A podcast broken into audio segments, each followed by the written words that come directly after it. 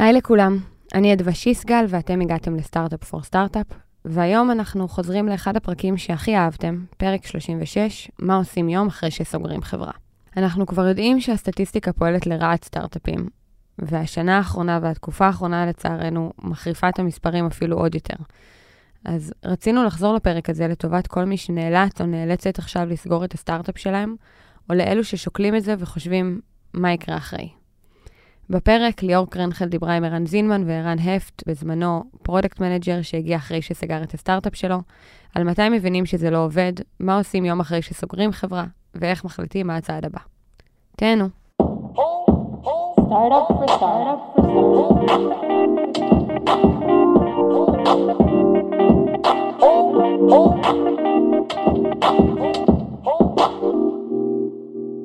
היי ערן, היי ליאור. כדי שלכולם יהיה פשוט גם זינמן הופך לזינמן, וערן נראה לי נפט שאני תישאר תמיד, ערן. אה, תמיד זינמן, ככה ליתר אה, דיוק, מה שנקרא. אבל שיהיה שיהיה לנו קל, כן. כן.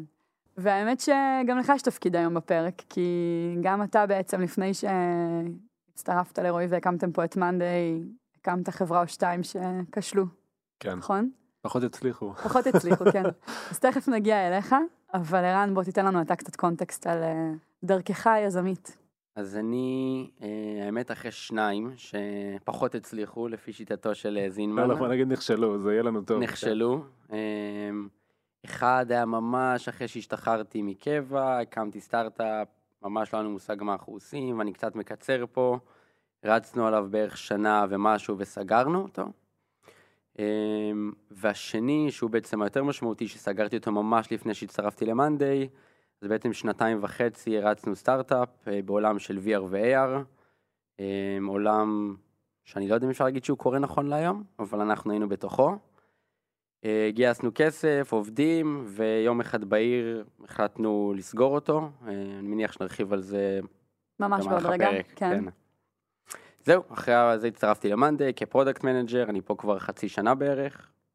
אז באמת בוא נלך שנייה אחורה למיזם הראשון שלך, ונבין שנייה בכלל למה החלטת להיות יזם.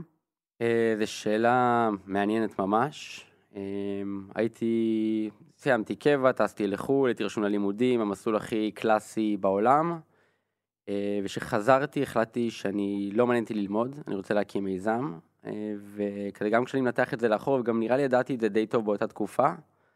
הדבר שהכי דיבר על זה שרציתי את היכולת לבטא את עצמי בצורה מאוד מאוד טובה. שאני אהיה אדון לגורלי, אם אפשר לקרוא לזה ככה.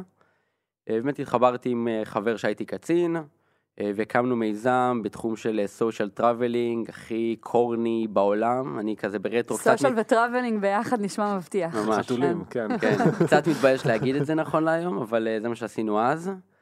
מתי זה היה? לפני כמה זמן? אה, וואו, כמעט שש שנים, חמש שנים, איפשהו שמה.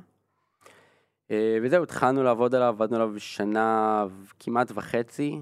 אה, לא היה שם תוחלת עסקית, הקרקע לא היה solid. בגדול אני יכול להגיד שנפלנו בכל טעות שאפשר ליפול בה. אז נפלנו, אבל עדיין זה היה ה baby שלי. כשסגרנו אותו אז הייתי, עברתי את ה-rough phase של זה. יצאתי להודו, נרגעתי, חזרתי. רגע, אה, במיזם ההוא גייסתם כסף? לא, לא גייסנו כסף, היה לנו מוצר בגדול שמחבר תארים ומקומיים בעולם לכל מיני פעילויות. אה, מבחינת המוצר והשימוש היה ממש אחלה, כלומר היה לנו אלפי משתמשים, ב, אלפי פגישות בעולם, עשרות אלפי משתמשים, אבל לא היה שם עוד, אה, לא היה איך להגדיל את זה, זה תחום כשלעצמו אפשר לחפור בו המון, אבל הוא מאוד מאוד קשה. אה, ובעצם אני חושב שכשראינו שהבעיה היא לא מספיק כואבת, אז החלטנו לסגור את זה. ניסיתם לגייס כסף? ניסינו לגייס כסף הרבה זמן, B2C שוק קשה בארץ, ממש. social traveling בכלל זה איזה עולם שעוד לא פוצח כמעט על ידי אף אחד. אמ, בדיעבד לא הייתי דורך בו פשוט, אבל... אה, זהו, אגב, אפרופו בדיעבד, נשמע עכשיו שאתה מדבר, ומאוד ברור לך למה סגרתם. כן. אבל אם אני לוקחת אותך חמש שנים אחורה, זה גם היה כזה בהיר ל- שלא צריך להמשיך, או ש... אז אמ, אני יכול להגיד שבהתחלה הסימנים היו מאוד מאוד מאוד מאוד חיוביים, לפחות איך שאנחנו ראינו את זה. כלומר, התחלנו, התחלנו עם ממש קבוצה בפייסבוק בצורה הכי פשוטה שיש, עוד לא היה מוצר, לא היה כלום. וכל מי שנכנס לקבוצה היינו אומרים לו, הוא אומר אני טס לברלין ומחפש, לא יודע, ללכת לפסטיבל ג'אז, והיינו מחברים לו אנשים מברלין ועוד אנשים מלא יודע, מלונדון נגיד, ויוצרים את המפגש הזה. ותוך חודשיים כבר היינו באוויר עם מאות uh, מפגשים ואלפי יוזרים, והדבר הזה גדל וגדל וגדל. הקמנו על זה פלטפורמת ווב, ועל פניו הכל היה נראה עשר, ואז כשהתחלנו טיפה לחפור במפגשים האלה, מה קרה בהם, מי הגיע אליהם, האם היו עושים את זה עוד פעם, אם יש שם אולי איזה מודל כלכלי שמתחבא, ראינו שכל המודל של למה נפגשים, כל האינסנטיבים מאוד מאוד שונים ממה שחשבנו. כלומר, אנחנו חשבנו שעצם זה שאני מישראל והוא מברלין והיא מפריז, זה good enough לייצר מפגש, כי הוא מעניין והוא תרבותי וכן הלאה. אה, והאינסנטיבים בכלל לא היו שם. הסיבה למפגשים היו כי היה לזה תחום עניין משותף, סביב אה, יזמות, או כי גבר ואישה, ואתם יכולים לדמיין משם. ואז שראינו בעצם שכל הגישה המוצרית היא פשוט אוף, כי החלק הגיאוגרפי לא כל כך מעניין, וגם אין מודל כלכלי, והצלחנו לגייס כסף במשך שנה ומשהו, אז החלטנו לסגור. אז ערן, אתה זוכר את היום שבו אתה החלטת לסגור חברה? כן, בעצם אה, הסטארט-אפ האחרון שלי אה, שסגרתי היה אה, בעצם אה, מנוע חיפוש. אה, אני ועוד חבר גם מהצבא, אה, שירתנו ביחד בחיל המודיעין, אה, ופיתחנו מנוע חיפוש לתגובות משתמשים. אה, בעצם אה, עשינו crawling web, כמו גוגל, רק ל-user reviews, אה, ואספנו עשרות או מאות מיליוני reviews across the web ובנינו כזה מנוע חיפוש שאנשים יכולים לבוא לחפש על כל נושא בעולם. אה, זו הייתה חוויה טראומטית בדיעבד, כאילו כל החוויה של הסטארט-אפ. אה, למה טראומטית? כי עשינו כל טעות אפשרית. אה, בגדול אם אני צריך לסכם את זה התמקדתי המון המון בטכנולוגיה לבנות מנוע חיפוש זה לא יודע מה עלה לי בראש באותה תקופה אבל זה מאוד מורכב טכנולוגית. כולל זה ששכרתי כמעט 30 מחשבים ש... שישבו בבית והוציאו מידע מהאינטרנט וזה היה לי המון המון כסף. גם המחשבה שלנו הייתה אה, בוא נבנה משהו עובד ואז נלך לגייס כסף אז בגדול הגעתי למצב ששרפתי את כל החסכונות שלי. אה, ובכלל כל הגישה הייתה בוא נעשה משהו מוצלח ואז אה, נצא ונעשה דברים. אה, שהיום בדיעבד אני מבין כמה שזה לא היה נכון. אה, ואם אני עושה עוד איזה, מקלף עוד איזושהי שכבה פסיכולוגית מאחורי הדבר הזה, אז חוסר הרצון או היכולת להיכשל, כי אתה רוצה להראות לכולם שכבר הכל טוב ואז שהם ישקיעו, כמו שזה, בדיעבד הבנתי שאף פעם לא קורה. אה, וכשאתה מקבל פידבקים שליליים, שאתה בגישה הזאת, אז אתה לא מוכן לזה. אני ממש זוכר אה, חוויה אחת טראומטית ספציפית מתוך הדבר הזה, ש...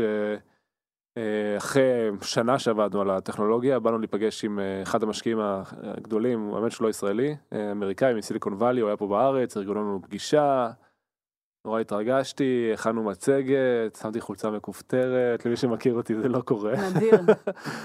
התגלחתי. התחתנת עם חולצה מכופתרת? כן, כן. ואז הגענו לפגישה, האמת במלון מונטיפיורי פה. וכזה ראינו שאנחנו עומדים בתור עם עוד יזמים מסכנים שבאו לפגוש אותו, הוא בדיוק אכל ארוחת בוקר. ובאנו, חיכינו לו איזה שלוש רבעי שעה, כמובן שהוא לא היה מוכן בזמן, הכנו מצגת מאוד מושקעת, ברמה שחשבנו מה הפונטים, מה הבילים וזה. ואז כאילו ישבתי איתו עם הלפטופ, אני כזה מתחיל לספר לו את הסיפור כמו שתכננו, והוא כזה, טוב, עזוב, הוא מתחיל להעביר שקפים, אני אומר לו, חכה, חכה. הוא מעביר שקף, שקף, שקף, שקף, שקף, שקף, שקף, שקפים, שמע, רעיון גרוע, לא יעבוד, גם נראה לי בגוגל עובדים על זה. אמרתי לו, אוקיי, אבל תשמע, טוב, יאללה חבר'ה, אני צריך לזוז, אני כבר אה, מאחר. ואחרי חזרתי הביתה, השקפתי על הספה, הייתה לי מיגרנה, כאילו, של החיים. ואני יושב שם, וכאילו, אני אומר, כאילו, מה, what the fuck just happened, כאילו. וזה קשה, כי אתה לא רגיל לקבל לא בחיים, ולא, קבל, ו- ולא רגיל לקבל פידבקים שליליים. ואחרי אחרי עוד איזושהי תקופה כאילו עם הסטארט-אפ הזה, אז זה, זה משהו אנקדוטלי, כן, בתוך התהליך הזה, אבל uh, uh, הגענו למצב שכאילו לא היה לנו product market fit, ועבדנו הרבה על טכנולוגיה בלי ולידציה מהמשתמשים, ובסופו של דבר uh, uh, פנינו למשקיעים uh, נוספים, ואפילו אחד בסוף אמרנו שהוא מעוניין, אבל כבר היינו במצב שאנחנו לא, לא היינו מסוגלים להסתכל על, ה, על החברה, אני גם הגעתי למצב שלא נשאר לי כסף בבנק, והחלטנו לסגור את החברה. זה, זה גסיסה איטית כזאת, אולי גם הפט יספר, ערן יספר את הסיפור שלהם, אבל זה כזה, בסוף, הסוף הוא כואב, כי זה כזה גסיסה איטית, אתה מרגיש שכבר זה לא, אבל אתה מנסה ואתה...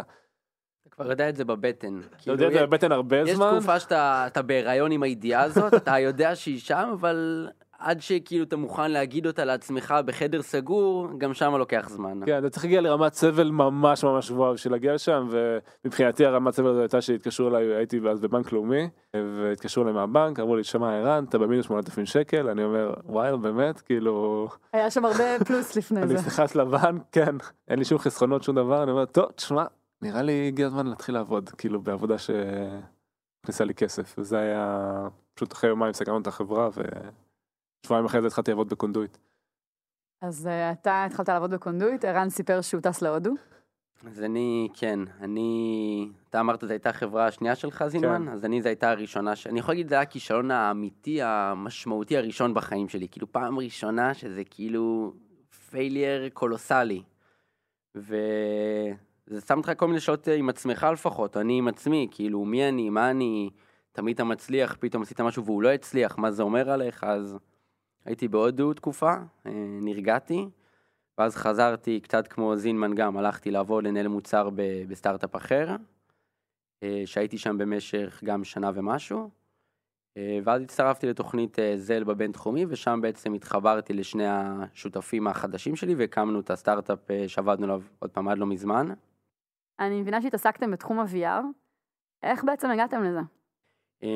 לירון, שהייתה CTO שלנו, היא ניהלה את הצוות VR-AR של סימנס בארץ, ואני הגעתי מעולם של, של product. והתחלנו קצת להסתכל על העולם הזה שהוא מאוד מעניין, מאוד מרגש, מאוד האמנו בו גם, ואחד הדברים שראינו שהם הנקודות הכי כואבות הם ה... איך בעצם מייצרים תוכן. כלומר היום יש הרבה מאוד מתודולוגיות ושיטות על איך מייצרים תוכן ל web, ל mobile, לתחום שקיימים הרבה זמן, והתזה שלנו הייתה שאפשר לקחת את אותן מתודולוגיות ולהביא אותן בעצם לעולם חדש שנבנה. ובנינו בעצם כלי ל prototyping ו design לאפליקציות של VR ו-AR, קצת כמו InVision, עולם של VR ו-AR אפשר להגיד. זהו, זוכרת את שלושת המוסקטרים שפגשנו? האמת שאנחנו פגש... נפגשנו פעם ראשונה בזל, נכון? אמת. אז uh, זינמן הגיע אלינו בהתחלה להעביר uh, הרצאה בזל, ואנחנו נורא התלהבנו, זה על ה marketing עם כל הגרפים והכל, ואחרי זה אמרנו, טוב, אנחנו צריכים לבוא להיפגש עוד פעם עם זינמן במאנדי, כי הוא, הוא יודע את הדרך ל marketing. ועשינו פה כמה סשנים, אפילו מינינו בתוך הצוות focal point שינהל את uh, זינמן וידאג, אה, וידאג לשמור איתו על הגחלת. באמת קיבלתי uh, אימיילים באחת ל... מעניין. אז היה לנו focal point שהוא א' זינמן, כמו שחילקנו את שאר ה ecosystem בעולם. וגייסתם על החזון הזה כסף. נכון, אז עבדנו בעצם uh, שנה ומשהו. בנינו מוצר, אני יכול להגיד שכלקח אולי גם קצת לעומת מה שזינמן אמר, יצאנו מאוד מאוד מהר, כאילו הפעם הראשונה שהוצאנו משהו, היה לנו מוצר שרץ לוקאלי על המחשב של לירון, והלכנו איתו לכנסים, ונותנים לאנשים לשחק איתו בכנס, לוקאלי לחלוטין, ועל הדבר הזה בנינו ובנינו. אה, גייסנו כמה מאות אלפי דולרים, חלק משקיעים פרטיים וחלק מקרן. אה, היה לנו משהו כמו חמישה, שישה עובדים בשיא, חמישה וחצי, אחד היה פארט-טיים. והיה לנו אחלה לקוחות בעיקרון, היה לנו צוות VR בפייסבוק, וחברות שמייצרות הרדוור, והרגשנו טוב. אה, ולאט לאט אני יכול להגיד שאני עוד פעם הייתי הרבה מאוד קשר מול המשקיעים ומול אותם לקוחות ואתה מרגיש... אתה גם המנכ"ל של החברה. נכון, כן. שמשהו הוא אוף. הוא לא... זה לא... משהו צורם, כן. כן. ומשנה לשנה תמיד אומרים השנה זה השנה שזה פורץ ואנחנו עוקבים אחרי ההכרזות של ה-VR ו-AR ומה פייסבוק מוצאים ומה גוגל מוצאים וזה לא מתקדם as expected ואנחנו רואים שכולם מתקררים across the board. מבחינת השוק אתה מתכוון. מבחינת השוק. כן. ואני חושב שהשיא היה בעצם נסענו, אה, זה גם רגע מאוד כואב, נסענו בעצם לסן פרנסיסקו, גם אה, לעשות עוד אה, סבב משקיעים וגם לפגוש את הלקוחות שלנו. כלומר כולם היו בחו"ל, אולי גם שווה להגיד רגע אם אני אחזור צעד לאחור שדרור ואני, זה שני השותפים הנוספים עברנו לניו יורק, גרנו שם במשך ארבעה חודשים, גם מתוך מטרה להתקרב לשוק וכן הלאה, ולירון נשארה פה עם הצוות של העובדים. אה, חזרנו אחרי ארבעה חודשים, ובעצם ממש חודש או חודשיים אחרי טסנו כל הפאונדרים ביחד לסן פרנסיסקו, גם לפגוש את הלקוחות וגם אה, משקיעים. ואנחנו נמצאים נגיד בפייסבוק ונפגשים עם הצוות VR דיזיין שלהם, ואנחנו קולטים שגם הם קצת אוף, כאילו, הם לא בטוחים בדיוק עוד אה, לאן זה הולך, וגם לא כל כך כואב להם לבזבז את הכסף כתוצאה מאותם תהליכים שאנחנו פתרנו. כי הם מעדיפים לזרוק על זה עוד כמה מתכנתים והם לא מאוד רגישים לזה. נפגשנו עם עוד כמה משקיעים ועוד כמה חברות, ופתאום קלטנו ממש, כזו הייתה תחושה משותפת בין שלושתנו, ש... שזה לא קורה, כאילו, והטיימליין פה עוד ארוך, אה, ולא משהו שאנחנו בהכרח רוצים לראות אם אנחנו מגיעים לקצה שלו, אם אנחנו יכולים בכלל. למה לא? אה, למה לא? יש לכם לקוחות שנשמעים שהם, הלוגו שלהם ראוי, מה שנקרא. נכון. אה, נשאר לכם עוד כסף בבנק באותה תקופה? כן, נשארנו כסף, יכולנו להצטמצם קצת ולעבוד עוד שנה בכיף. אה, אז הלוגו שלהם ראוי, אבל ה-revenues שלהם קצת פחות, ולא ראינו את זה גדל משמעותית, כי הדומיין הזה בתוך פייסבוק לצורך העניין עוד לא גדל משמעותית בקצבים האלה. אה, יש פה עניין נראה לי של אה, גידור סיכונים באיזושהי רמה. כלומר, אוקיי, נגיד נצטמצם, ונגיד נמשוך עוד שנה, עוד שנתיים אפילו, אם נהיה ממש מצומצמים, יכול להיות שגם אז זה לא ילך, וגם הזמן שלנו שווה משהו. כלומר, כמה זמן ממשיכים לרדוף אחרי זה, וכמה ביצים שמים בסל הזה, ואולי זה גם לא יקרה. כבר היינו על משכורות סופר נמוכות, כבר עבדנו שנתיים וחצי, אמ, והחלטנו בעצם שה timeline פה הוא ממש ארוך. אה, ואני חושב שהנקודה שהכי אולי מראה את ה- את הכאב או את הרולר קוסטר הזה, אז היינו אמורים לחזור מסן פרנסיסקו ביום ראשון. הקדמנו את הטיסה, חזרנו ברביעי בלילה. חמישי בבוקר כבר היינו במשרד, ולצערי עשינו שימועים לכל העובדים, וביום ראשון כבר אה, נפרדנו כולם כידידים. וואו. וואו, אינטנסיבי. כן, שתחשבו על ה... שהם בטח חשבו שתחזרו עם בשורות טובות. אז אני חושב מהפרספקטיבה שלהם, כלומר היינו שם, והם היו במשרד, ומה זה עבדו קשה, היה לנו דמו עם זה, הם כל הלילה פיתחו את העוד איזשהו פיצ'ר בשביל הדמו, כדי שנגיע ונסגור את זה וכן הלאה. אנחנו חזרנו עם כל מחזור עם אה, מזוודות של אה, מזומנים, אז אה, חזרנו עם בשורות רעות, וממש תוך שלושה ימים כבר עשינו את כל הלופ והכל היה מאחורינו. ויש שיחה בקול רם על זה? יש איזה רגע בסן פרנסיסקו שאתם אומרים אחד לשני, תקשיבו, זהו? כן, אני חושב שכן. כאילו ערן קיבל wake-up call מבנק לאומי.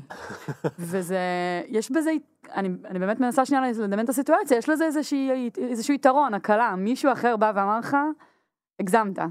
כן, הייתי שמח לעצור את זה לפני, כן. כן, אבל אני אומרת, ואצל ערן פה בסיפור, עוד לא הגיעו לשיחת טלפון הזאתי. הם עשו לעצמם את ה-wake-up call. בפועל פשוט סיימנו כמה פגישות, כאילו עם כל הלקוחות וכל המשקיעים, כל המשקיעים אומרים חבר'ה VRAR לא קורה, כל הלקוחות אומרים אנחנו מאוד אוהבים את המוצר אבל אה, כרגע זה scale נמוך אצלנו בחברה אז אנחנו לא מתכוונים לגדול עם זה. ואז אתה אומר כאילו אוקיי אנחנו מאמינים שבעוד, כלומר כשיצאנו לדרך ידענו שה-leap of faith שלנו זה שניפגש בעוד שנתיים עם השוק, אמר אנחנו מקדימים, אנחנו מאמינים שבעוד שנתיים ניפגש ובואו נרוץ על זה. עכשיו הבעיה היא שכשאתה לוקח סיכון על טיימינג, על אז שוק, כן. אתה שואל מתי עוצרים. נגיד אתה לוקח סיכון על טכנולוגיה, מתישהו תקבל איזשהו הערה אם אתה מסוגל לבנות את הטכנולוגיה הזאת או לא מסוגל לבנות אותה. או על סייל וכן הלאה. כשאתה הולך על טיימינג אתה אומר רגע, אני אומר שצריך לחכות. אוקיי, כמה מחכים. ונראה לי שכשהיינו שם ממש ראינו את זה מכולם, וזה היה ימים כאילו סופר ארוכים של חמש פגישות ביום, מלקוחות למשקיעים ורצים כל היום, אז אתה אומר טוב, אין פה אופק לכלום, אז אולי גם כדאי לעצור. וזהו, ואז קדמנו את הטיסות וכל מה שסיפרתי קודם, אבל אה, כן, זה קשוח ממש. והפעם שוב טסת להודו? לא, אני כבר מתורגל, אני כבר אה, עברתי אה, בלוף אחד, ועברתי כישלון אחד אולי יותר נכון להגיד, ולא הייתי צריך את הודו, אבל כן לקחתי איזה חודש, חודשיים בבית לעשות decompressing, זה היה תקופות אה, סופר אינטנסיביות. אה, וקיבלתי את החופש שלי בתצורה הזאת, התחלתי כל מיני דברים שנורא תמיד רציתי לעשות ולא היה לי זמן אליהם. אה, וזהו, אחרי בערך אה, חודשיים התחלתי לחפש מה, מה הדבר הבא. זינון, אני חוזרת אליך. אמרת שאתה סגרת חברה, ואגב, לקונטקסט כאן, פשוט כי שמעתי את הסיפור הזה מול כל משקיע אפשרי בשנה האחרונה, זה בערך 50-60 פעם. היה לך גם ניסיון יזמי לפני החברה שסיפרת לנו עליה, נכון? כן. אה, ואתה אומר, אתה, אתה אמרת שבאיזשהו שלב הצטרפת לקונדויט. כמה קונדויט הייתה גדולה באותה תקופה? היא הייתה סטארט-אפ? בוא תספר קצת. אה, היא הייתה חברה של, אה, אני חושב שהצטרפתי, לא זוכר בדיוק, אבל סביב המאה עובדים. ממש לא סטארט-אפ. כן, אבל האווירה הייתה מאוד של סטארט-אפ, זה הייתה חברה בין המובילות בארץ באותה תקופה, היא צמחה בטירוף. אני ממש זוכר שאותם ואת וויקס כזה מובילות את ההייטק באותה תקופה. ומה שקסם לי שם זה שבעצם אה, התראיינתי בכמה מקומות, והם פשוט הציעו לי תפקיד אה, סוג של אה, יזמי, או מקום כזה לבוא לידי ביטוי אה, בתוך קונדויט, הם בעצם רצו להיכנס לתחום של ה mobile, והייתה שם אפשרות להרים משהו. אה, זאת אומרת, אחד הדברים ששקלתי במקומות אחרים זה לבוא להיות מתכנת או להיות ראש צוות, ומשהו נורא קסם לי באפשרות שאני אוכל לקבל ownership על משהו. אמ, והתחלתי לעבוד שם, ממש אני חושב אחרי שבועיים או שלושה מהרגע ש... שהתראיינתי. והייתה לי שם חוויה מדהימה, כאילו... חכה רגע, לפני אוקיי. החוויה, מה- מה ה-state of mind? כי שוב, אתה מתאר שהיית דקה לפני זה יזם, אדון לעצמך, הקמת חוות מחשבים בבית. כן. אתה מתחיל להתראיין לחברות, ומה אתה אומר לעצמך באותו הזמן? ש... תשמעי, אני חושב ש... שלא תהיה יותר יזם? אני לא אמרתי את זה. אמ, כאילו שזה לא בשבילך להיות יזם? אני אגיד לך משהו אחד שכאילו אני חושב שקרה לי בתהליך הזה של הסטארט-אפ הקודם זה שהבנתי שאני לא מבין משהו. אוקיי זה נפל לי מאוד מאוד חזק האסימון הזה ש... אוקיי ניסיתי ניסיתי בדרך שלי הייתי כזה במקום שאני חושב שאני יודע מה צריך לעשות. אה, היו לי את הכישורים הטכניים בשביל אה, להרים את הפרויקט הזה אבל נכשלתי. עכשיו בסוף נכשלת מול העולם מול השוק בסדר מול ה... אין ולידציה יותר אה, משמעותית מזה. והבנתי שאני לא מבין משהו. וזה זה משמעותי מאוד כאילו להגיע לתובנה הזאת. מתוך המקום הזה אמרתי מה יהיה הבית ספר הכי טוב מבחינתי בשלב הזה בשביל ללמוד את הדבר הזה לא בגלל ש... לפעמים לא יודע לפחות אה, אולי אצלי בפסיכולוגיה יש כזה מקום של אה, נכנעתי או ויתרתי על משהו ולא הרגשתי את זה באותה תקופה כי הרגשתי שלא ללכת לעבוד שם או לוותר על החוויה הזאת יהיה לוותר על, על אה, אפשרות של למידה או על משהו שאני לא יודע מהו. אה, וכן גם הייתי צריך בשביל לשרוד בשביל לקבל את המשכורת מה זה לשרוד כן הייתי שורד אבל כאילו בשביל לעבוד לקבל משכורת להיכנס לאיזושהי מסגרת שתעשה לי טוב. אה, וקיוויתי שאני אוכל ללמוד את מה שחסר לי בתוך החוויה הזאת. ובפועל? בפועל הייתה חוויה מדהימה מדהימה מדהימה. אה, א' החברה הייתה מדהימה אבל האפשרות ש... שבעצם הקמנו שם בעצם מחלקת מובייל מאפס אני ועוד בחור בשם הראל. ואני זוכר את הפרספקטיבה שזה פתאום נותן לך ש... שוב, זו הייתה לי מידה שלא הייתי מודע אליה בסטארט-אפ של הכישלון הגדול וראיתי שהחיים ממשיכים והכל בסדר ואני זוכר מהשיחות שאני שעולים שם עם אנשים כי הרמנו גם מוצר מאפס שאומרים תשמע ואיך נדע שזה יעבוד או תשמע איך, איך אה, היוזרים אה, יראו את מה שבנינו והם אה, ייבהלו ואז כזה אתה אומר "בסדר, כבר סגרתי חברה הכל טוב חבר'ה בוא, בוא נתקדם כאילו יותר חשוב להתקדם מאשר לפחד. לפחד לא להיכשל כן. וכאילו מאיפה המילים האלה הגיעו זה הגיע בעיניי הרבה מאוד מהדבר הזה שכבר עברתי את זה פעם בסדר נכשלתי כישלון גדול הנה אני כבר לא הדבר הזה שיודע את כל התשובות וכאילו יש לי את- את הדרך הברורה להצלחה וזה משהו נורא משחרר. אולי בדיעבד הייתי יכול ללמוד אותו בצורה יותר טובה אבל אה, אני למדתי אותו בדרך שאני למדתי אותו. ובעיניי זה כלי מדהים שקיבלתי מהחוויה הזאת. אה, האמת, לא נעים לי להגיד, אבל כמעט הוציא לי את המילים מהפה. כי נגמר הדבר הזה, אני חושב שההבנה הכי חזקה שאני יצאתי איתה, שעוד פעם היא מאוד, כאילו היא כמעט זהה למה שזינמן אומר, זה, יש פה משהו שאני לא יודע. כאילו אני מפספס משהו, חסר לי משהו בארגז כלים שלי, ובוא נלך נביא אותו. כאילו קצת כמו כל דבר, נכון? כאילו זאת הבעיה, בוא, בוא נלך לפתור אותה. ואפילו אני זוכר שהתראיינתי ב- במעט מקומות יחסית, ובאותו זמן גם ניסינו למכור קצת ה-IP של החברה, לראות מה קורה, לראות אם אנחנו נחזיר, כשסגרנו את החברה עוד היה כסף בבנק, החזרנו למשקיעים מה שנשאר, ואמרנו אולי אפשר אפילו להחזיר עוד יותר. אה, וקיבלנו הצעה ל acqui-hire מחברה ישראלית, ואני ממש זוכר את עצמי יושב... אה, acqui-hire, רק למי שלא יודע, מה זה אומר? זה אומר שקונים את הצוות כצוות בלי קשר למוצר ומה שעשינו. כלומר, רוצים את האנשים ושיבואו כצוות ושיעבדו ביחד באותה חברה.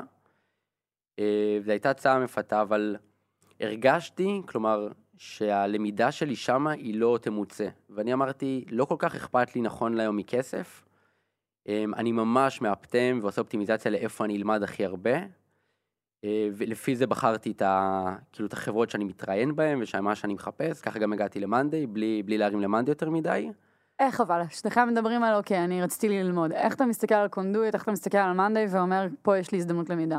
מה, תפרקו את זה ל details. אני אני אגיד, א', אני... רגע, באיזה תפקיד? אתה יודע, כן. ציינת קודם, זינמן, שאולי היית יכול להיות אה, מפתח, ואתה פה, ערן, בסוף עושה product. איך מגיעים לזה? מ- מ founder ל product, מ founder ל... א', אתה מבין שהכל bullshit, כל הטייטלים האלה, founder, CEO, CTO, who fucking cares, כאילו בוא תהיה CTO שלך עם עצמך, כאילו הטייטלים לא שווים כלום. גם אה, CEO של אה, חברה של שמונה אנשים, אה, בקושי team lead במקום ממוצע, כן? כן, יש אנשים... שם דברים הייתי- בפרופורציה, אתה הייתי אומר, כן. CTO בסטארט-אפ, אחלה, אני מחר יכול לפתוח סטארט-אפ עם עצמי ולהיות אה, CEO, CTO ו-Chairman of the Board, ו-Mother of Dragons, כאילו, של... של, אז, מה, אתה מבין שהכל בולשיט, כאילו, אתה יכול להיות ראש צוות בצוות שלא עושה כלום, ואתה יכול להיות מפתח ולשנות את העולם, כאילו, זה הכל בולשיט, כאילו, בטייטלים. כן, אבל דווקא מתוך הערך, איך אתה מזהה איפה אתה רוצה לפתח למידה? אז אה, הסתכלתי כל מיני חברות וכזה אמרתי וואי נלך לחברה גדולה ואז אמרתי הייתי בצבא כבר הבנתי איך החברות האלה עובדות הרבה ישיבות הרבה דיונים ולא בא לי זה זה לא הלמידה שרציתי לחוות כאילו זה לא שעכשיו רציתי להעביר זמן איפשהו אוקיי זה חשוב אני חושב שהרבה יזמים כזה אומרים טוב אני אקח קצת אוויר ואני עוד שנתיים אה, אעשה עוד סטארט-אפ או לא יודע מה. זה לא הייתה כוונה הכוונה הייתה באמת ללמוד ומבחינתי ללמוד זה לקבל תנאים אופטימליים ללמידה ב... ואני מגדיר את זה בתור מקום שמתפתח ומאתגר אותי, בסדר? לא דווקא להצטרף בעיניי אז לחברה גדולה היה עושה את זה. זה היה מלמד אולי יותר corporate skills, או איך לנווט את עצמי בארגון, מול ארה"ב וכולי. אבל חיפשתי מקום שגם אני אוכל אה, לעשות דברים בידיים מצד אחד, ומצד שני אני אוכל ללמוד מהסובבים אותי. כי אחד הדברים שהיו לי מאוד חסרים בסטארט-אפ, זה שלא היה לי המון עם מי להתייעץ, היה לי את השותף שלי, אבל בסופו של דבר הלמידה שאפשר לעשות מאנשים אחרים ואנשים שחוו דברים היא, היא עוצמתית פי אלף, כאילו אתה לא חייב הכל להתנסות בעצמך בשביל אה, ללמוד אותו. אז, אז לזה עשיתי אופטימיזציה, חברה שמתפתחת מהר, שתאתגר אותי, שאני אוכל לבוא לשם לידי ביטוי ולעשות דברים שהם יהיו על הכתפיים שלי, שאני יכול לקחת ownership על מה שאני עושה. וקיבלתי את כל זה. היית CEO, נכון? וכ-CEO של חברה מאוד קטנה בטח עשית מיליון ואחד דברים, ותיארת את זה בעצמך, כי התעסקת עם המוצר והלקוחות, והתעסקת עם משקיעים, וניהלת צוות. אתה מסתכל עכשיו על חברה כמו Monday, איך אתה מחליט איזה תפקיד מדבר אליך? לאן אתה מכוון את עצמך? באותה מידה היום אתה עושה product ויכולת לעשות bizdev.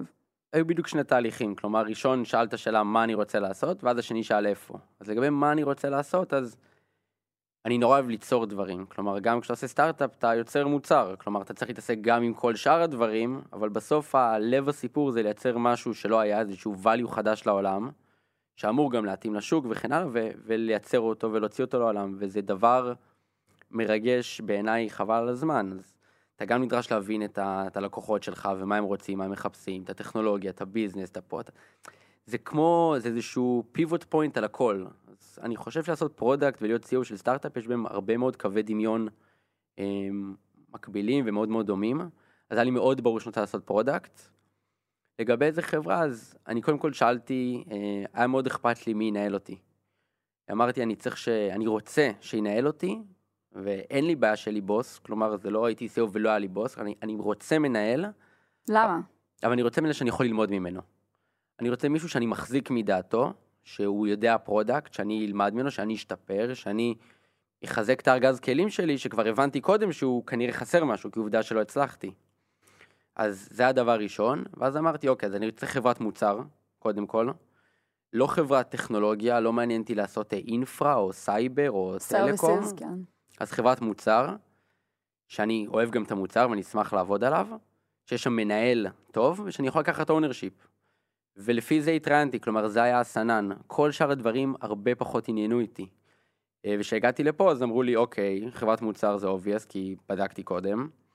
אמרו לי, המנהל שלך הוא במקרה הזה זינמן שיושב פה, ואמרתי, אוקיי, הוא מבין product הבחור הזה, כי אני רואה את החברה, וכי הוא, פגשתי אותו בזל, וכי וכי וכי.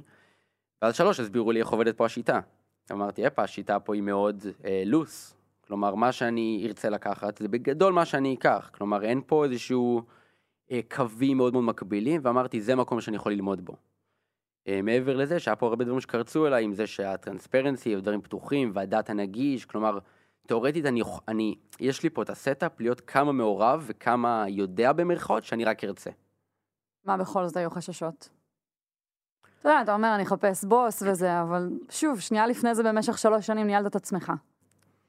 אה, אז א' זו שאלה, כלומר אה, לעבור לעבוד בחברה שהיא מובנית, שיש בה תהליכים כלשהם, כלומר אני קיבלתי איזושהי הצצה אליהם כשקראתי והתראיינתי וכן הלאה, אבל עד שאתה לא שם אתה לא באמת יודע, ואז אתה אומר רגע רגע רגע, מה אם מכרו לי נורא טוב? נכון, יכול להיות. מה אם אה, אני לא באמת יכול לקחת את ה ownership שאני רוצה כי סיבות כאלה ואחרות? אה, וזה קצת מפחיד, אתה אומר אף אחד לא רוצה להתחיל מקום ולעזוב אותו, אף אחד לא רוצה, אני לפחות לא רוצה שישימו עליי אה, מסגרות שחונקות אותי, אני רוצה לפרוץ, אני רוצה להוביל. אה, וזה מפחיד, ואתה לא יודע מה קורה עד שאתה לא מגיע. אני חייב להגיד שגם בצד שלי היו חששות. כאילו, אני ראיינתי את ערן, ו... כן, לא דיברנו על זה אף פעם. אבל פגשתי אותם בתור צוות יזמים, והם נורא נורא הרשימו אותי, אני חושב שאפילו אמרתי לכם את זה אז בפגישה.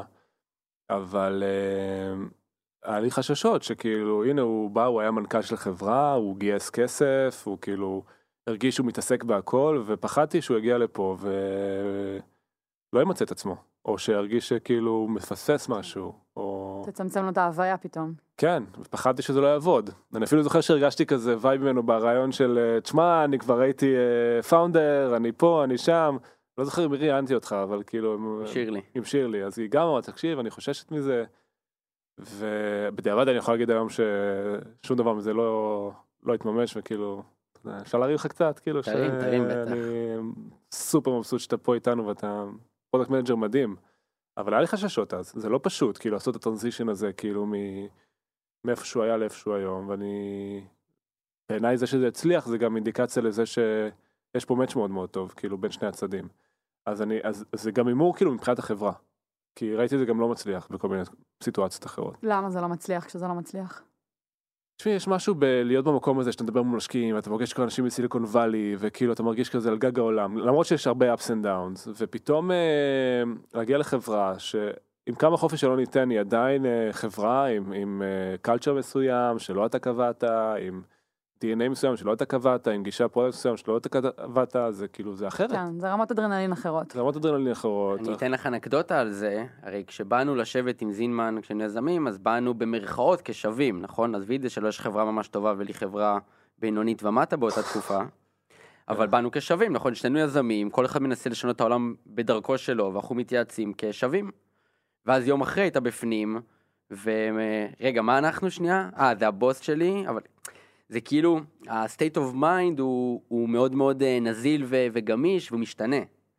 אגב, אני לא מרגיש ככה, זה, זה טוב. לא, לא משנה, אבל אתה אומר, כן, תחשוב אבל- רגע, לא מהפרספקטיבה, פרספקטיבה של בן אדם שהגיע בשבוע הראשון, ורואה את זילמן במדרגות, ואומר לו, מה המצב, אחי? ואז אתה אומר כזה, רגע, זו לא אותה שיחה שניהלנו פעם לפני חודש. שעברה שהייתי פה כן. לפני שלושה חודשים, זו השיחה מאוד מאוד אחרת. כן, אבל אה, אה, אני אגיד לך איך אני מסתכל על זה, אני מסתכל על זה בתור זה ש... אני מאוד מחפש את האנשים האלה, כאילו את, ה... את היזמים האלה, כי אולי אני מתחבר לזה כי זה סיפור שאני עברתי בעצמי, ואולי כי מבחינתי מישהו שסגר עכשיו סטארט-אפ, הוא הקרקע הכי פוריה לספוג, כאילו זה כרית אה, מדהימה, כי לפחות ככה אני מרגיש, שאתה מבין שאתה פספסת משהו, אתה מרגיש שאתה בשל כן, אבל. לא בטוח שכל יזם מסיים, סוגר חברה עם ה- עם אותו state of mind ששניכם מתארים. אין, אין מישהו שסוגר חברה כי הולך לו מעולה. אין לא, דבר אבל כזה. לא, לא, לא, ברור, להפך, אני מקצינה לצד השני, אני אומרת, יש אנשים שאולי סוגרים חברה והם חסרי ביטחון באמת. אה, האגו שלהם פגוע, אז הם לא פתוחים ללמידה כרגע, אלא בדיוק ההפך. אבל נשמע כאילו את מתארת את אותי, לא לא לי את הביטחון, האגו שלי היה פגוע, הרגשתי כאילו הכי למטה שיש, בסדר? זה המקום שאתה לומד ממנו, בסדר? כאילו, אתה צריך לקבל את המכה בשביל אה, להיפתח ללמידה, אתה לא לומד. בוא נגיד, הפחד הכי גדול שלי בחיים זה להגיע למקום שאני אהיה אטום ללמידה, כי אני ארגיש שאני כאילו יודע. זה, אני כל הזמן עובד על עצמי להגיע למקום כזה ש... של להבין כמה אני לא יודע כל הזמן. זה משהו שאני סוחב איתי עוד מאז, בסדר? ואני שומר עליו בקנאות. זה המקום שאתה לומד ממנו, כאילו המקום הזה שאתה מרגיש הכי, הכי למטה שיש. נראה לי שליאור כאילו שואלת, ואני יכול, גם ראיתי כאלה, כאילו הרבה, שאתה אומר, זה, זה לא הצליח, זה עובדה. האם זה בגללי או בגלל העולם, נכון? קרה לי, עשו לי, אכלו יפה, לי, שתו נכון. לי. האם אתה לוקח אחריות על הכישלון, כן. או שאתה מאשים האשמות? ויש גם כאלה. אה, בוא נגיד, אם היית אומר את זה ברעיון, כנראה שלא היינו מתקדמים ביחד, כי אז מבחינתי, אה, יש גם יזמים שאני פוגש שמאשימים את כולם, את השוק, את הסיטואציה, את ה... צריך אחריות, אחרת זה לא. יכול לעבוד, כאילו, וברגע שיזם לוקח אחריות, ובעיניי כאילו חברה נסגרת רק בגלל יזמים, אף אחד לא מכריח אותך לסגור חברה, רק ההחלטה שלך, אה, אז אתה מגיע להבנה שכאילו אתה יכול ללמוד מהמקום הזה.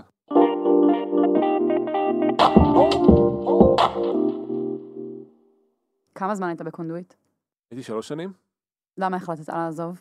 החלטתי לעזוב כי, וזה מה שאני מאוד מאמין בו, שהרגשתי שכבר אני הפסקתי להתפתח. כאילו, התחלנו שם אני והראל בתור צמד, מי זה הראל? והראל אה, הוא בעצם, אה, גם היה לו סטארט-אפ באותה תקופה, הוא הצטרף לקונדוט בתור יועץ, אה, והוא בעצם הוביל את ה-Mobile Business Unit בקונדויט, ואני הייתי אחראי על הטכנולוגיה. והתחלנו את זה, שנינו היינו כזה, אני בדיוק הצטרפתי לחברה, הוא כזה היה יועץ, והרמנו את זה מאפס. כאילו הגענו בשיא ל-100 עובדים, רק בביזנס יונט הזה, והיה לנו הכנסות של מאות אלפי דולרים. Uh, כמובן שזה קצת יותר קל, כי לא היינו צריכים לגייס כסף, כאילו קונדויט uh, מימנה את זה, והיא חשבה אסטרטגית, כאילו איך uh, לפתוח עוד חזיתות מוצר, וזה היה מדהים, זה היה באמת פריבילגיה להיות במקום הזה. ואחרי שלוש שנים הרגשתי שאנחנו קצת תקועים במקום, ושאני מפסיק להתפתח, והיו דברים שלא תלויים בי בשביל להתקדם. רגע, אני חייבת רגע לעצור אוקיי. על הטרמינולוגיה, זה נורא מעניין. כי אתה כאילו אומר, כשזה קונדויט וזה לא שלך, אז אתה אומר פריבילגיה, איזה פריבילגיה להיות שם, אבל על הכישלונות שלך אתה כן לוקח אחריות. ו- וסתם באמת מעניין אותי מול, מול עצמך, למה פה זה פריבילגיה ופה זה אחריות. כאילו, על פניו בקונדויט עשתה עבודה מדהימה, הבאת ביזנס יוניט למאה איש. כן. זה לא עד הסוף היה שלך בחוויה? כן. כן, כן היה, או כן לא היה? תראי, זה עד רמה מסוימת. כאילו, אני חוויתי, כאילו, חוויה יזמית לכל דבר, כי, כי בניתי, כי קיבלתי החלטות, כי נתנו לי חופש פעולה, כאילו, וכל הדברים האלה נתנו לי את האפשרות, כאילו, לרוץ קדימה, בסדר? אני חושב שגם אם הייתי שם, אה, המילה ביזנס יוניט היא כאילו מאוד מסוימת, אבל גם אם הייתי מראים שם מוצר אחר, או משהו כזה שהייתי מרגיש שנתנו לי את האחריות לקבל החלטות, הייתי מבסוט. ספציפית במקום הזה, אז כאילו... לא יודע, אולי זה נראה obvious, אבל לא דאגתי מזה שתהיה לי משכורת בסוף החודש, ולא דאגתי מהמצב של הכסף בקופה של החברה, והרבה דברים שכאילו דאגתי מהם לפני כן. אבל וזה הרגשתי, הופך את זה לפחות שלך? פחות מלחיץ. אתה יודע, אני יכול יותר להתרכז, יש לי את הפריבילגיה להתרכז רק בבנייה ועשייה, ולא בהישרדות, כאילו, של החברה. ערן, איך אתה לגבי זה?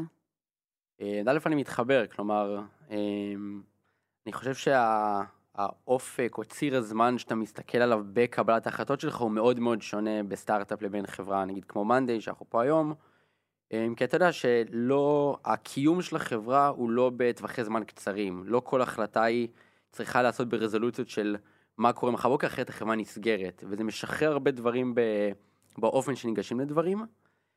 אמ, אני דווקא לא מרגיש, כלומר, פחות ownership, ועוד פעם, יכול להיות שזה כבר נראה לי מאוד מאוד תלוי חברה ותלוי בני אדם, אבל um, אני מרגיש, וכמו, קצת כמו שהייתי בסטארט-אפ שלי, כלומר, כשמשהו לא הולך טוב, אני פגוע רגשית, וזה מקשה עליי וזה יושב איתי בלילה, וכשהולך טוב אז אני מבסוט של החיים, ומבחינתי זה שלי, העולם תוכן שלי בתוך מאנדי הוא שלי לחלוטין.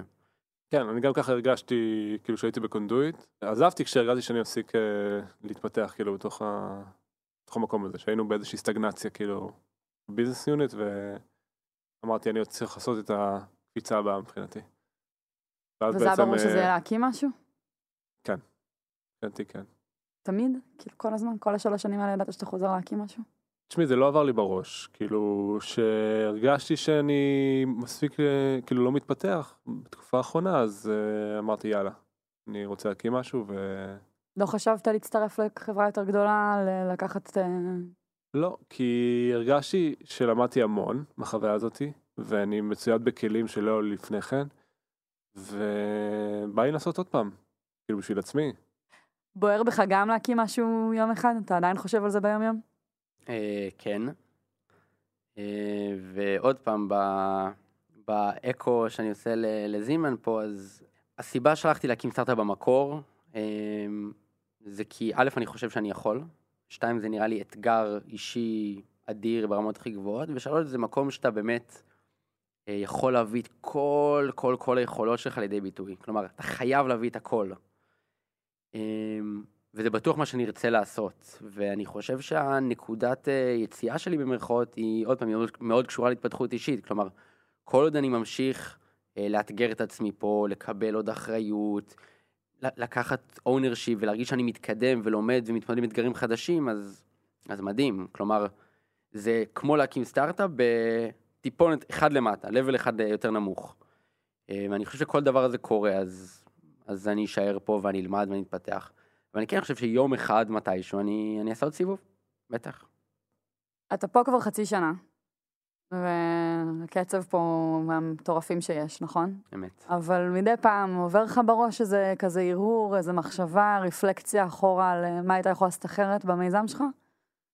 אני חושב שכמו כל פרק משמעותי בחיים, אתה חושב עליו עוד לאחור וכן הלאה. אמ, אני חושב שבסוף כשמחליטים לסגור, אז uh, יש מקום לאיזה מין, uh, לא יודע אם חשבון נפש, אבל uh, ממש לנתח בצורה מאוד בוגרת אולי, וקרה אפילו, ולוקח קצת זמן עד שמגיעים לשם. כלומר, אני זוכר שבסטארט-אפ הראשון, כאילו, לא יכולתי לחשוב על זה. שלושה שבועות, כאילו, לא, לא יכולתי בכלל לחשוב על הדבר הזה, ולקח לי זמן עד שאמרתי, אוקיי, עכשיו כאילו בוא נשב ונעשה פה איזה פוסט מורטם על הדבר הזה. ומפה לשם גם יצאה הרצאה, כאילו, עם 20 הטעויות הכי גדולות שעשינו. אמ, אבל נראה לי השאלות זה כאילו, למה יצאת לדרך? מה היית יכול לעשות אחרת? פחות בפן המקצועי, יותר בפן האישי. כלומר, מה אתה רוצה ומה אתה לומד מזה? ולתת לה, לדבר הזה להכתיב את הדרך קדימה. כלומר, אני אנסה להשליך את המקרה שלי, אז נגיד, יצאתי לדרך כדי שאני אוכל לבטא את עצמי בצורה הכי טובה שאני יכול, ו- ולהיות אחראי לגורלי באיזושהי רמה.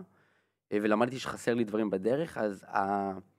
היה לי הוצאות להצטרף לעוד סטארט-אפים של אנשים אחרים וכן הלאה, אבל זה, זה כבר לא עמד ב, ב, בקו הזה. כלומר, זה ברור שקו כזה מוביל אותך להצטרף לחברה שאתה יכול ללמוד בה, לאנשים, לתהליכים, לכל דבר אחר, שיש לך בה את ה ownership, כדי לייצר איזשהו קו יותר לכיוון העתיד. כאילו, זה באמת סוג של מרתון על, על כל החיים. כאילו, אתה אומר, אני בטוח אצליח עם סטארט-אפ, עכשיו מה צריך לעשות בדרך?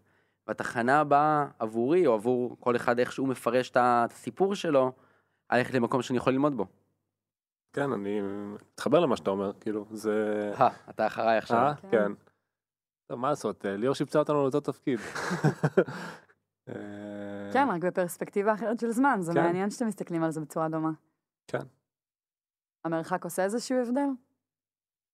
אני היום מבין, שאולי משהו שלא הבנתי הייתה לי איזושהי תחושה ושוב זה אפשר אה, להתחבר לפסיכולוגיה מאחורי מה מניע מישהו להיות יזם שכאילו it's now or never בסדר אמרתי יואו אני כבר בן 25 אה, איפה מרק צוקרברג היה שהיה בגיל שלי איפה אני נמצא על האמת כן באמת לא יודע אולי זה נשמע קצת אה, לא רק לוודא שזה עד כדי ככה כן, ככה כן יכול להיות שאני יורד לעצמי ברגל פה לא לא ממש לא לא כזה לחץ כזה כן. כאילו לחץ כאילו כן. להספיק ולהגיע ומתוך הלחץ הזה זה כאילו הדבר הכי גרוע שיצא לי. כאילו של כל כך רציתי וכל כך ניסיתי ורציתי שזה מושלם וטוב וכולי וזה התפקשש לי ואז. אתה יכול הולך לעבוד בקונדויט ואתה לומד המון המון דברים ואז פתאום אתה קולט שוואלה הכל, הכל טוב כאילו יש זמן ועדיף לעשות את זה במקום שאתה יותר בשל ויותר נכון וכאילו. אתה נתן לי קצת פרספקטיבה על, ה, על החיים על כאילו על. מה זה הלחצים האלה שאנחנו מייצרים סביבנו סביב איזשהו משהו שיש לנו בראש ו...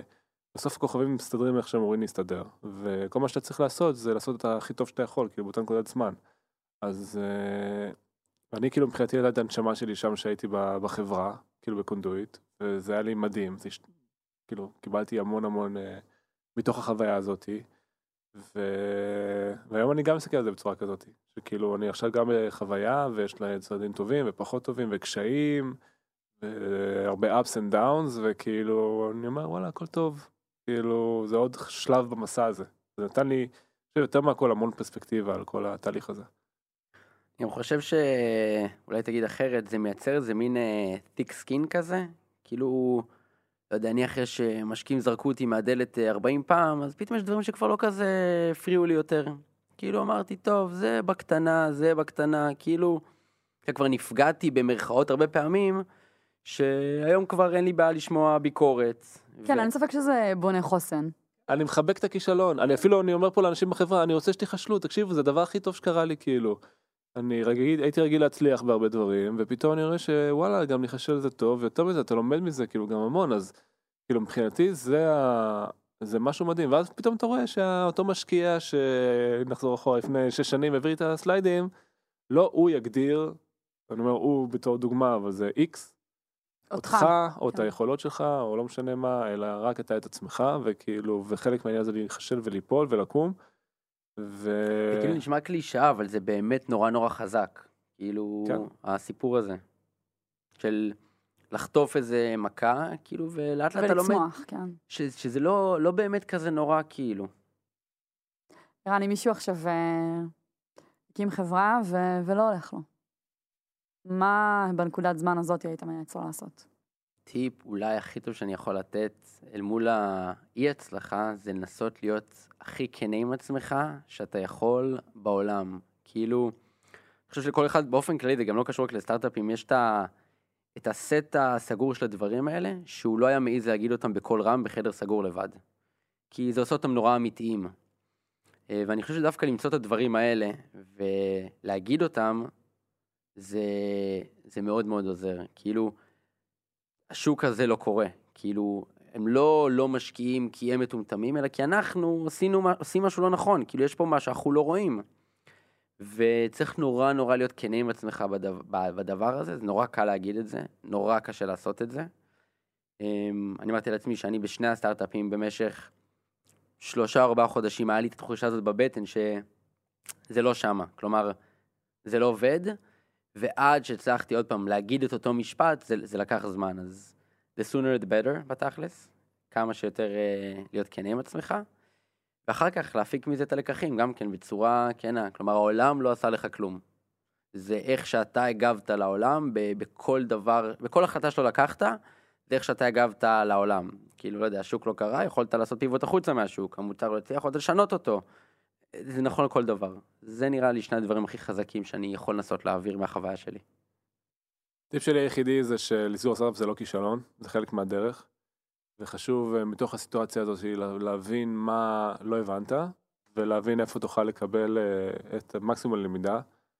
אה, מעניין, הטיפ שלך הוא בעצם, כאילו הטיפ שלך הוא מה שמאפשר לזה להיות לא, לא להיות כישלון, אתה מבין כן, מה אני אומרת? כן. כי רק אם שני, כמו שהם שניכם אומרים, רק אם אתה עושה את הלמידה הזאת, אתה יכול להגדיר, לתייק את הדבר הזה בראש כמשהו שהוא לא כישלון. כישלון בראש שלי נתפס כאיזה dead end.